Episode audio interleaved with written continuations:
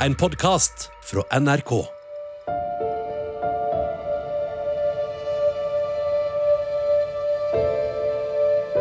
United 9-3, have you got information on that yet? Yeah, he's down.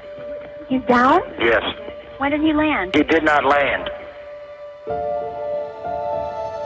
Det var 19 menn som utførte terrorangrepene 11. september. Etter at noen radikale islamister i Afghanistan hadde pitchet en helt vill idé. Bin Laden nikker og sier meget interessant, eh, men kanskje litt for ambisiøst. De skulle bruke passasjerfly som bomber. En av nøkkelpersonene i den ville planen var den 26 år gamle flyentusiasten Ziad Jarrah fra Libanon. Han skulle krasje et fly inn i selveste kongressbygningen i Washington. Du hører på Krig og fred 11. september. Jeg heter Tove Bjørgaas. Tredje episode Den fjerde terrorpiloten. På en høyde oppe i fjellene vest i delstaten Pennsylvania står jeg og ser utover en stor gresslette. Der nede bukter en lang mur seg gjennom landskapet.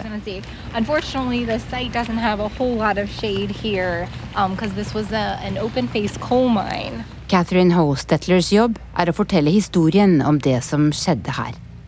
Hun har på seg en brun uniform med en bredbremmet hatt. We're at the Visitor Center complex here at Flight 93 National Memorial, and we're sitting right beside the granite walkway which depicts the flight path of Flight 93. Catherine jobber ved minnesmerket for 11. september her i Shanksville, Pennsylvania. Det var her det fjerde flyet styrtet, etter at to hadde krasjet inn i tvillingtårnene og ett i Pentagon. United Airlines flight 93 var på vei fra New York til San Francisco denne morgenen. Det store flyet var halvtomt. Det var bare 44 om bord. Men i flyets førsteklassekabin var de fleste setene opptatt. Helt foran i sete 1B satt 26 år gamle Ziad Jarrah fra Libanon. Bak ham tre enda yngre terrorister fra Saudi-Arabia. Men Siad Jarrahs historie starter et annet sted.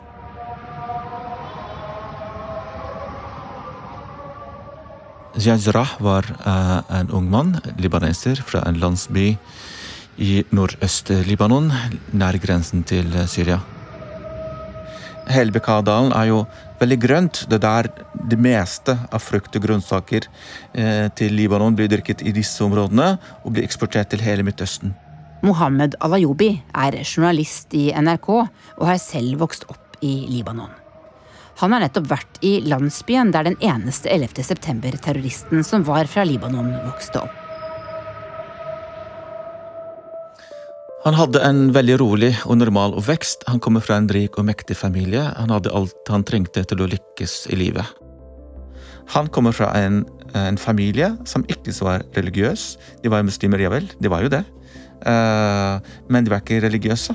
Eh, jeg tipper neppe at eh, faren hans ba fem ganger om dagen, eller søstrene hans. Vi så jo flere videoer hvor han danset, det var full fest. Hva var det egentlig han ønsket å gjøre med livet sitt? Han faktisk hadde lyst til å bli pilot, men faren sa nei. For faren sa at du er jo den eneste sønnen jeg har. Hvis du blir pilot, så kommer du til å krasje dø. Så jeg vil at du skal bli noe annet. Men så valgte han å bli flymekaniker. da.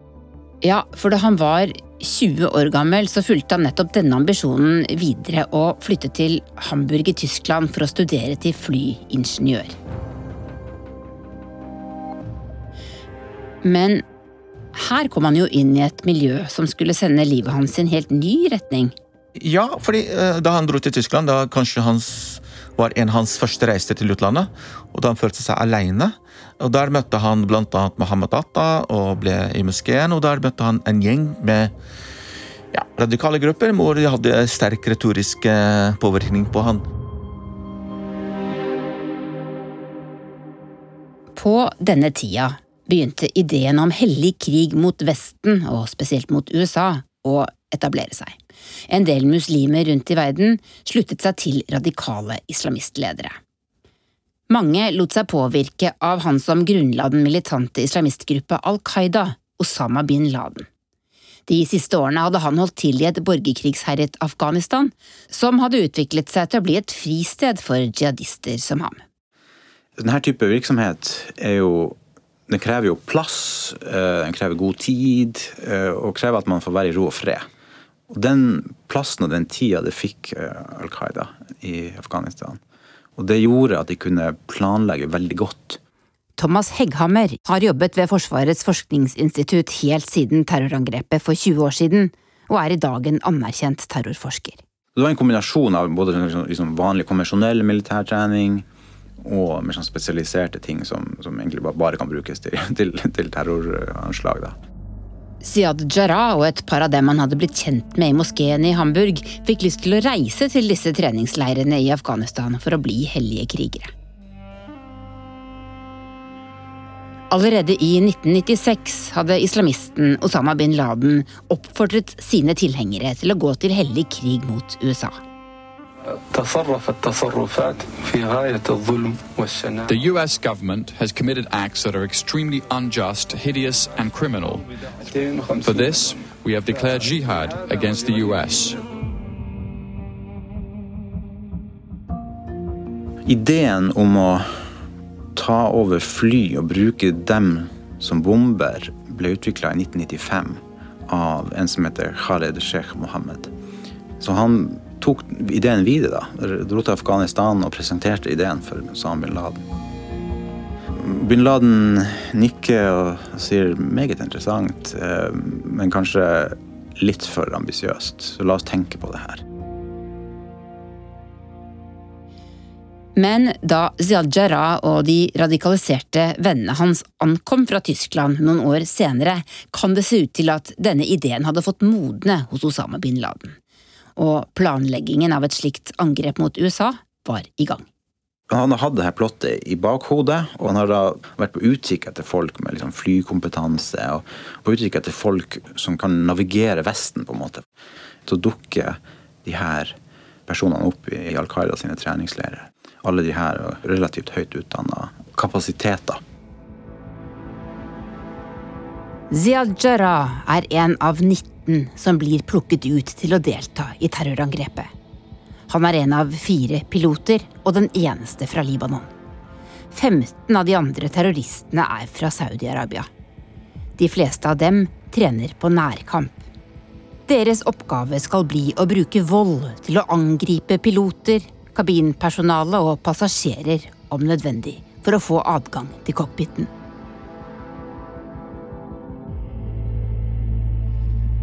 Sommeren 2000 flytter Siad Jarrah og to av de andre som skulle være piloter 11.9 til USA. De begynner på flyskole i Florida, får seg amerikanske førerkort og fortsetter forberedelsene til bryllupet.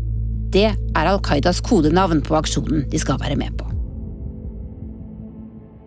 Resten av, eh, av mannskapet, de her fotsoldatene, 13 stykker som kommer våren og sommeren 2001 det er sånne klynger. altså Noen er jo brødre, og noen kjenner hverandre fra treningsleirene. Men hele gjengen har ikke vært samla i et rom. Og de har heller ikke kontakt måte, som helhet da, i forkant av 11.9. De er delt opp i celler. Og eh, det er bare pilotene som vet eh, hva som skal skje. Og de vet heller ikke at det er en, en selvmordsaksjon. De vet ikke at de skal dø? Nei, og det vet vi fordi at de skrev ikke testamentet mens alle pilotene gjorde det. Tilbake til morgenen den 11. september og det dramaet som straks skulle utspille seg i lufta der Flight 93 var på vei vestover. We know at 9:28 they get up and they storm the cockpit door. The pilot of Flight 93 or the first officer gets up and puts out a mayday call across the airwaves and that's heard by ground control officers de hadde kniver, Leathermans mer spesifikt. fordi på den tida så var det ikke ulovlig i USA å ta med seg Leathermans om bord. Den har masse forskjellige verktøy, skrutrekker og litt sånn saks. Men det er jo sånn knivblader på en, kanskje en 10 sånn cm. De bruker foldekniver til å true seg inn i cockpiten. Og Siad Jarrah setter seg bak spakene slik han har trent på. Han slår av kommunikasjonssystemet i flyet og plotter inn en ny rute.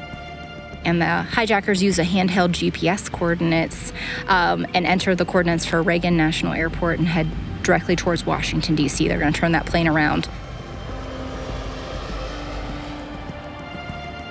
Jarrah vet hva oppdraget er. Han snur flyet og setter kursen mot terrormålet Washington DC. Der skal han styrte flyet inn i kongressbygningen. Men så skjer det noe inni flyet som terroristene kanskje ikke var forberedt på.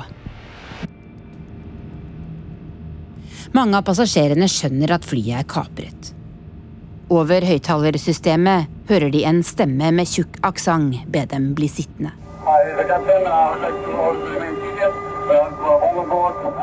Det er Jarrahs stemme de hører. Flere ringer hjem fra telefonene de hadde i seteryggen på fly på den tida. En av dem er flyvertinne CC Lyles. Hi, baby. You have to listen to me carefully. I'm on a plane that's been hijacked. I'm on the plane. I'm calling from the plane. Want to tell you I love you. Please tell my children that I love them very much.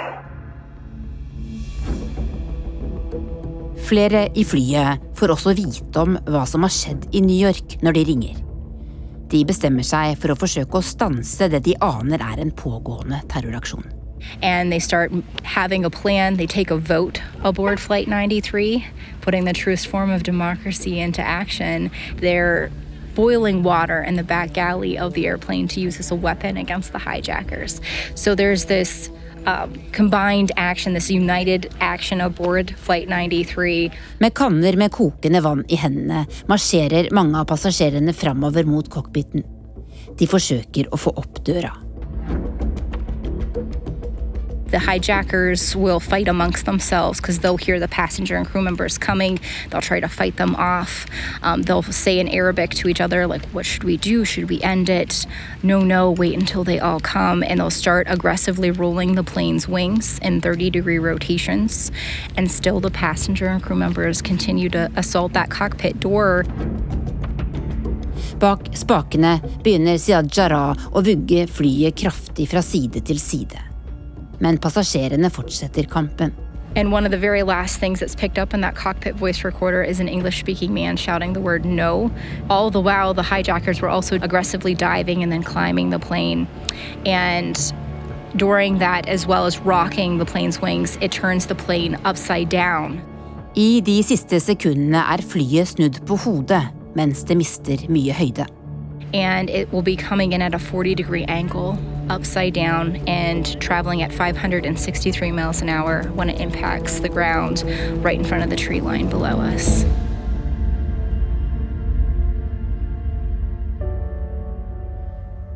Alle om bord blir drept momentant.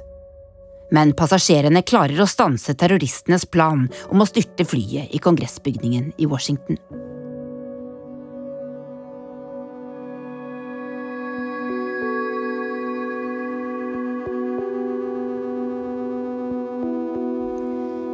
Ziad Jarrah visste at han skulle dø den septemberdagen i 2001.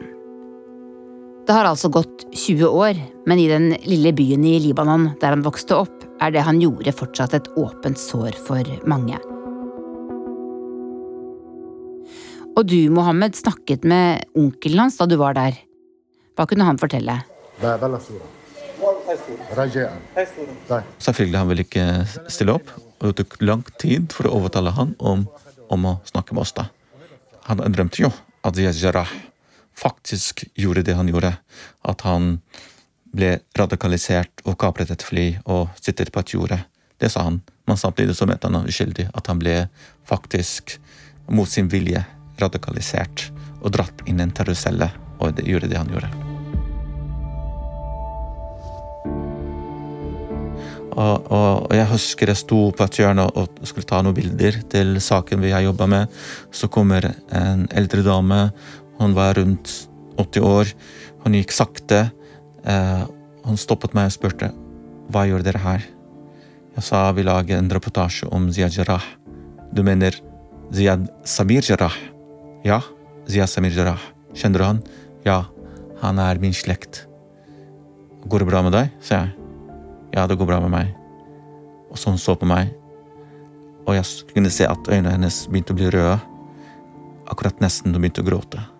Så hun gikk inn døra og lukket igjen eh, døra som er lysbrun metalldør. Og da hun lukket igjen, så kom en lyd. Den lyden kom som en bølge som traff meg. Jeg skjønte hvor tungt det var for henne. Hun, dette var en skambelagt sak, så hun hadde ikke lyst til å snakke om dette her. Du har hørt Krig og fred 11. september, en podkastserie fra NRK Urix. Lydregien i denne episoden var ved Pål Gauslå Sivertsen, og redaktøren vår er Sigurd Falkenberg Mikkelsen.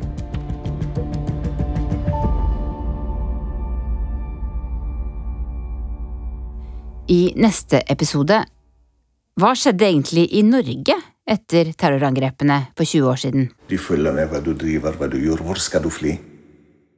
Du har hørt en podkast fra NRK. Hør flere podkaster og din favorittkanal i appen NRK Radio.